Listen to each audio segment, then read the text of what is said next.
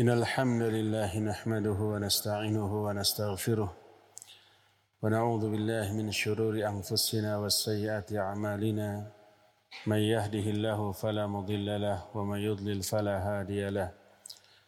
وأشهد أن لا إله إلا الله وحده لا شريك له وأشهد أن محمدا عبده ورسوله. يا أيها الذين آمنوا اتقوا الله حق تقاته. ولا تموتن إلا وأنتم مسلمون. يا أيها الناس اتقوا ربكم الذي خلقكم من نفس واحدة وخلق منها زوجها وبث منهما رجالا كثيرا ونساء. واتقوا الله الذي تساءلون به والأرحام إن الله كان عليكم رقيبا. يا أيها الذين آمنوا اتقوا الله وقولوا قولا سديدا يصلح لكم أعمالكم ويغفر لكم ذنوبكم. ومن يطع الله ورسوله فقد فاز فوزا عظيما. أما بعد فإن أصدق الحديث كتاب الله وخير الهدي هدي محمد صلى الله عليه وآله وسلم وشر الأمور محدثاتها وكل محدثة بدعة وكل بدعة ضلالة وكل ضلالة في النار. قال الله تعالى في كتابه الكريم أعوذ بالله السميع العليم من الشيطان الرجيم. يرفع الله الذين آمنوا منكم والذين أوتوا العلم درجات. Hadirin sedang Jumat yang Allah muliakan. Di Jumat yang lalu kita sudah menerangkan kesuksesan hidup hanya bisa dirasakan apabila sudah selamat dari api neraka dan masuk ke dalam surga. Faman zuhziha nar wa udkhilal jannah faqad faza. Siapa yang sudah dijauhkan dari api neraka dan dimasukkan ke dalam surga, sungguh dia telah sukses. Salah satu kesuksesan yang diraih oleh manusia adalah karena iman dan amal soleh. Orang yang beriman dan beramal soleh diselamatkan dari api neraka, dimasukkan ke dalam surga. Itu sudah berlalu keterangannya. Sekarang bagaimana agar kita tidak asal masuk surga? Di dunia kita selalu ingin yang terbaik Demikian juga dalam hal akhirat, mestinya begitu. Kita tidak hanya sekedar ingin selamat dari api neraka dan masuk ke dalam surga, tapi kita menginginkan di surganya juga kita menginginkan di tingkatan yang tertinggi. Kalau bisa Firdaus, karena Firdaus itu yang paling tengah dan paling tinggi di antara tingkatan surga. Nabi alaihi salatu wasallam menyatakan idza sa'altumullah al-jannata fas'aluhu al-firdaus li'annaha a'laha wa awsataha. Kalau kamu mau minta surga kepada Allah, mintalah surga Firdaus. Karena surga Firdaus itu yang paling tinggi dan paling tengah. Lebih tinggi tingkatan surga, lebih bagus kualitas kebahagiaan, kenikmatan, kemewahan, kelezatan hidup yang dirasakan di sana jauh lebih bagus daripada tingkatan yang ada di bawahnya. Bagaimana caranya agar kita mampu meraih level tertinggi di surga? Caranya adalah kumpulkan sebanyak mungkin pahala Pahala yang tersisa di akhirat itu yang menentukan tingkatan surga yang kita akan raih. Allah berfirman, "Yarfa'illahu alladhina amanu minkum walladhina utul ilma darajat."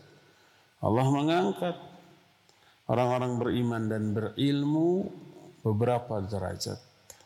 Maknanya mengangkat derajat dia di dunia dari segi dimuliakan orang, diagungkan orang, disanjung orang, dihargai orang, dan di akhirat dalam bentuk disimpan, ditempatkan di level surga yang sangat tinggi.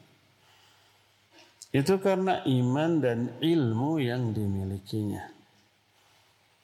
Dari iman dan ilmu yang dimilikinya lahir amal yang berkualitas dan berkuantitas. Tidak hanya banyak, amalan juga bagus-bagus, berkualitas.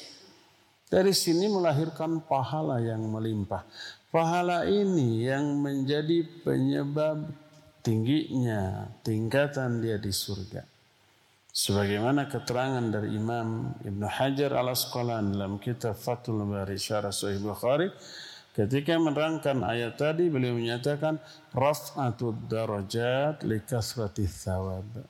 Ketinggian derajat di surga itu karena banyaknya pahala. Makin banyak pahala makin tinggi. Jadi untuk meraih surga yang tertinggi adalah memperbanyak pahala. Untuk bisa selamat dari dosa, persedikit bahkan hilangkan dosa. Dengan cara tobat, istighfar, infak, sodakoh, dan banyak melakukan kebaikan, itu menghapus dosa. Selamat dari api neraka karena dosanya terhapus.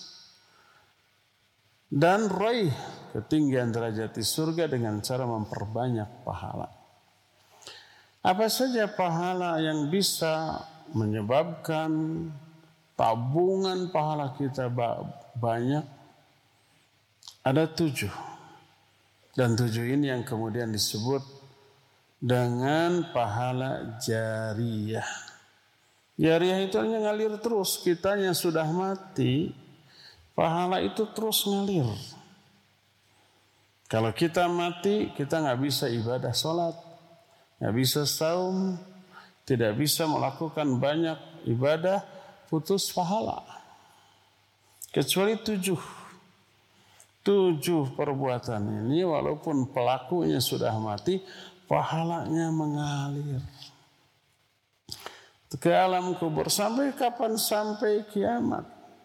Bayangkan dosanya sudah tidak dilakukan karena sudah mati, pahalanya ngalir terus.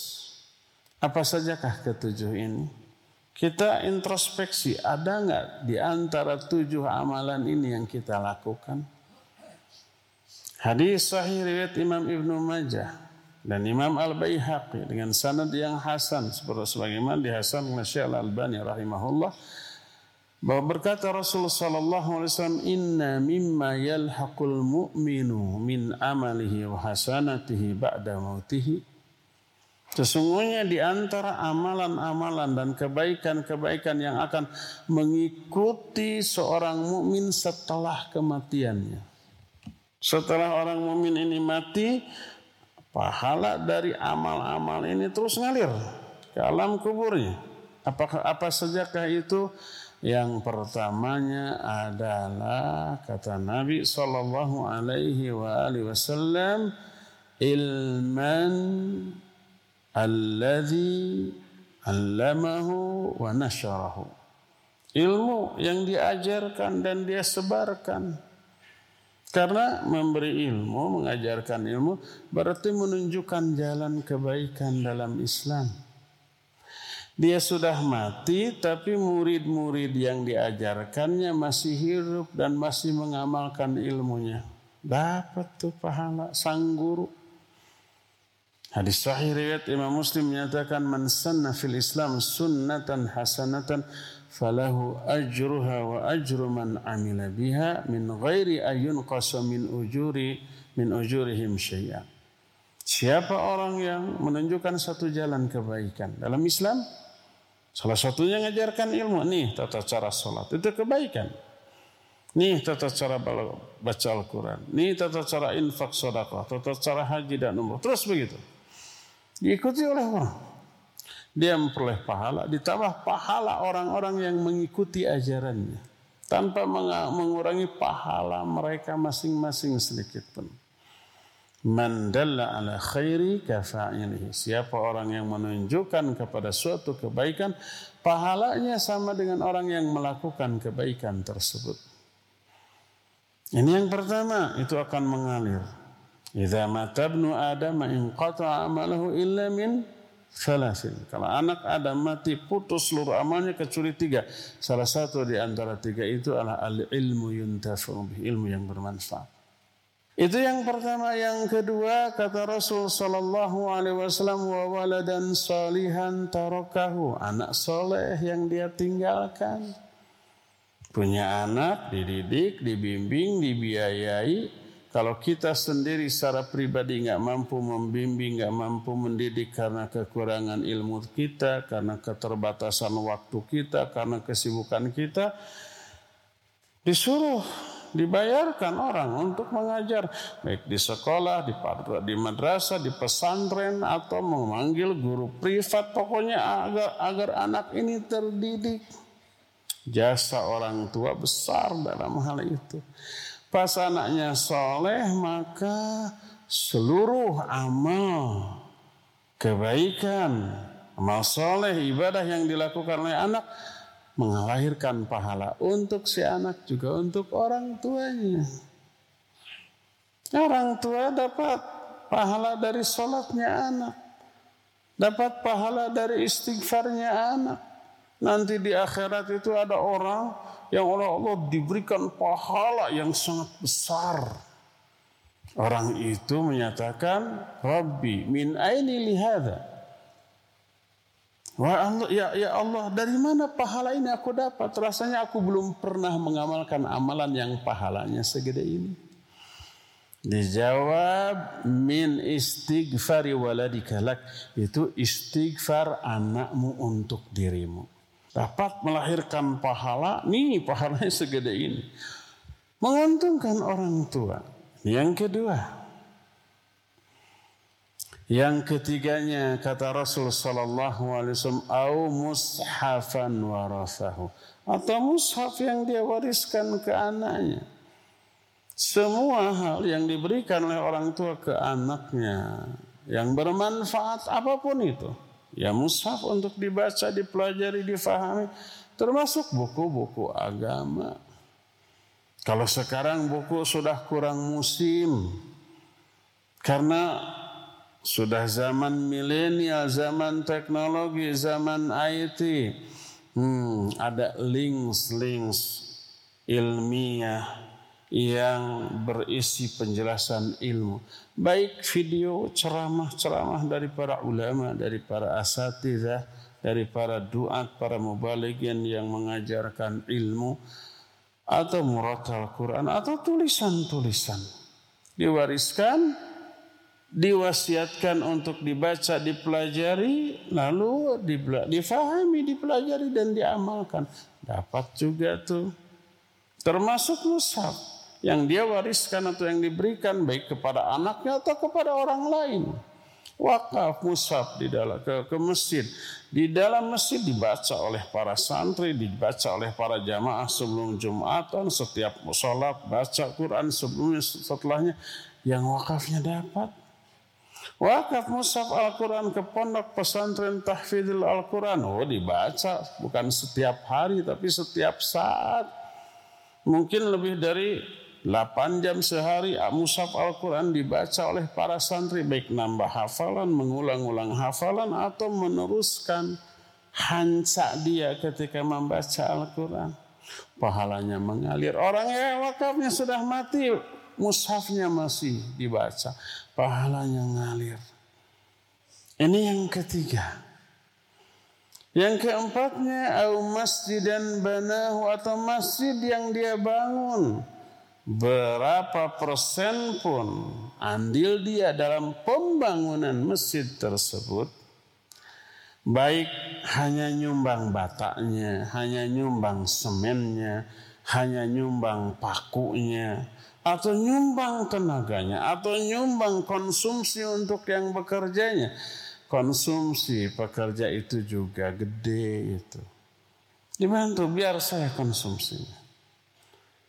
Termasuk gentengnya. Tapi kan gentengnya nggak pernah dipakai sholat. Dapat nggak? Tetap dapat. Masjid ini satu kesatuan yang utuh. Di mana pun kita sholat, di ujung, di pojok, di tengah, seluruh yang nyumbang ke masjid ini walaupun tidak keinjak oleh orang yang sholat dapat pahala. Kalau nggak ada genteng, nggak ada yang sholat di sini. Bocor, panas, kalau siang hari, kalau hujan, bo bo jadi basah. Siapa yang mau sholat? Nggak ada. Ini satu kesatuan utuh. Jangan ada anggapan saya nggak akan pernah nyumbang kayu atau genteng atau paku ke masjid yang akan dipakai sholat, yang akan dapat pahala. Keliru, salah. Ini satu kesatuan yang utuh. Masjid ini. Masjid yang dia bangun apa pun peran dia di masjid itu melahirkan pahala. Sebanyak apa? Sebanyak peran dia di dalam menyumbang masjid tersebut. Makin sedikit ya makin sedikit pahalanya, makin banyak sumbangannya, makin banyak pahala yang Allah berikan kepada orang itu. Ini yang keempat. Yang kelimanya au baitan li ibni sabil au baitan fi sabilillahi banahu. Atau rumah untuk orang-orang yang di perjalanan. Orang itu safar kemalaman. Tidak ada tempat menginap. Ya sekarang banyak hotel banyak penginapan tapi nggak ada uang. Di masjid kadang-kadang sering kali dikunci kalau tengah malam. Ada rumah persinggahan Silakan para musafirin. Silakan orang-orang yang kemalaman tidur di sana gratis, ada fasilitas yang lengkap, ada kasurnya, ada airnya, WC-nya, ada makanan minumannya. Orang yang sudah mati tapi bangunannya masih manfaat, pahalanya mengalir terus ke alam kubur. Semoga Allah Azza wa Jalla menganugerahkan kepada kita hidayah agar kita mampu melakukan salah satu saja dari amal-amal yang pahalanya jariah, pahalanya mengalir terus ke alam kubur kita. Barakallahu li wa lakum fil Qur'an azim wa nafa'ni wa iyyakum bima fihi minal ayati wa dzikril hakim wa taqabbalallahu minna minkum tilawatahu innahu huwas samiul alim.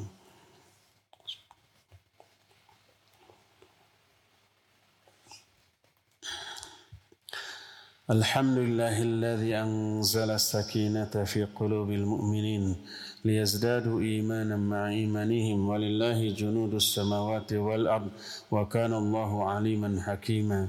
وأشهد أن لا إله إلا الله وحده لا شريك له إقرارا به وتوحيدا وأشهد أن محمدا عبده ورسوله صلى الله عليه وعلى آله وأصحابه وسلم تسليما مزيدا. وبعد أيها الهادرون أوصيكم ونفسي بتقوى الله فقد فاز المتقون. Hadirin sedang Jumat yang Allah muliakan yang keenam. Di antara amalan yang pahalanya mengalir terus. Berkata Nabi SAW au naharan ajrahu. Atau dia membuat selokan atau sungai yang dia alirkan. Sebanding atau satu jenis dengan ini membuat sumur untuk kepentingan orang banyak. Di sana orang bisa mandi, di sana orang bisa nyuci, di sana orang bisa minum, dan seterusnya. Maka setiap kali sumur yang dia buat atau sungai yang dia bikin, yang dia alirkan bermanfaat. Ada orang yang ngambil manfaat, saat itu dia dapat pahala. Jangankan gitu menanam pohon di pinggir jalan. Tempat orang berteduh ketika kepanasan, tempat orang istirahat di sana. Ada tempat yang apa pohon yang kita tanam membesar, teduh, kemudian kita siapkan saung atau bangkunya untuk orang yang ingin istirahat. Setiap kali ada orang berteduh istirahat di sana, orang yang menanam dan menyediakannya dapat pahala. Demikian juga sumur untuk kepentingan umum. Setiap kali ada orang berwudu, ada orang mandi, ada orang nyuci, ada orang minum di sana, maka itu semuanya melahirkan pahala bagi yang membuatnya. Orang yang sudah mati sumurnya masih puluhan tahun, ratusan tahun dipergunakan oleh orang banyak. Ngalir terus pahalanya. Inilah yang ketujuh. Nah, yang keenam.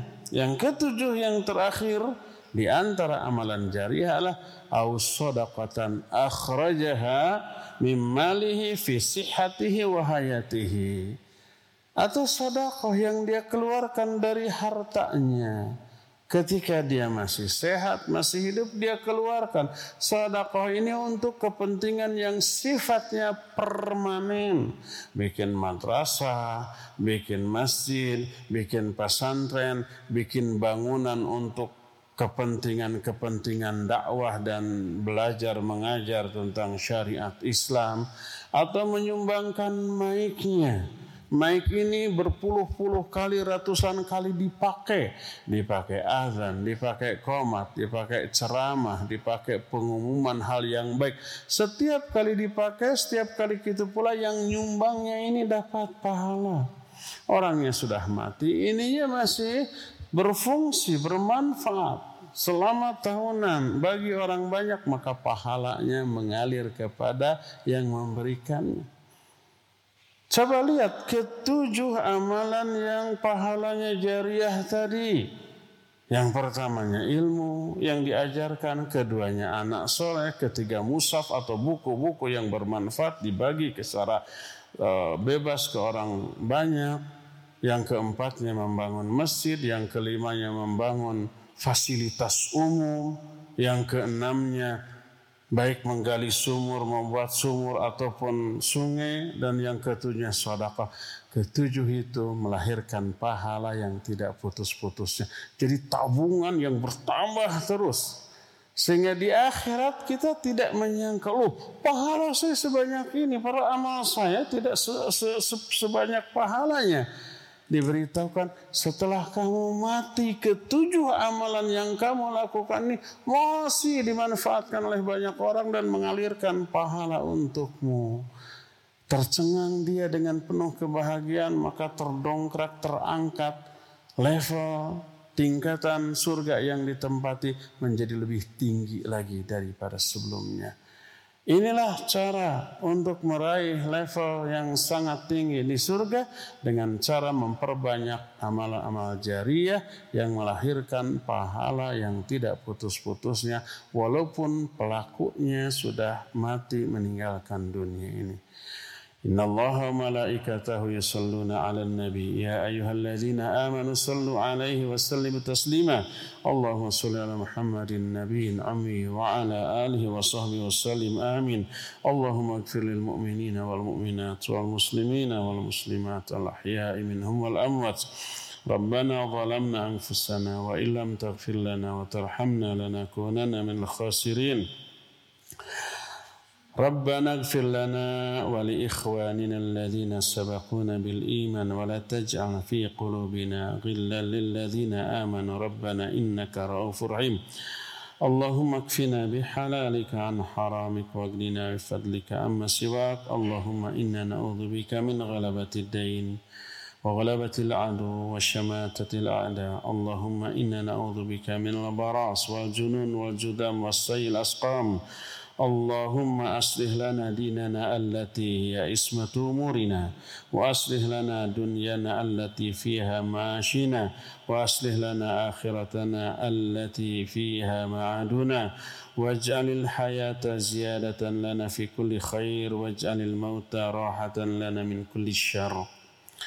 ربنا هب لنا من أزواجنا وذريتنا قرة أعين واجعلنا للمتقين إماما.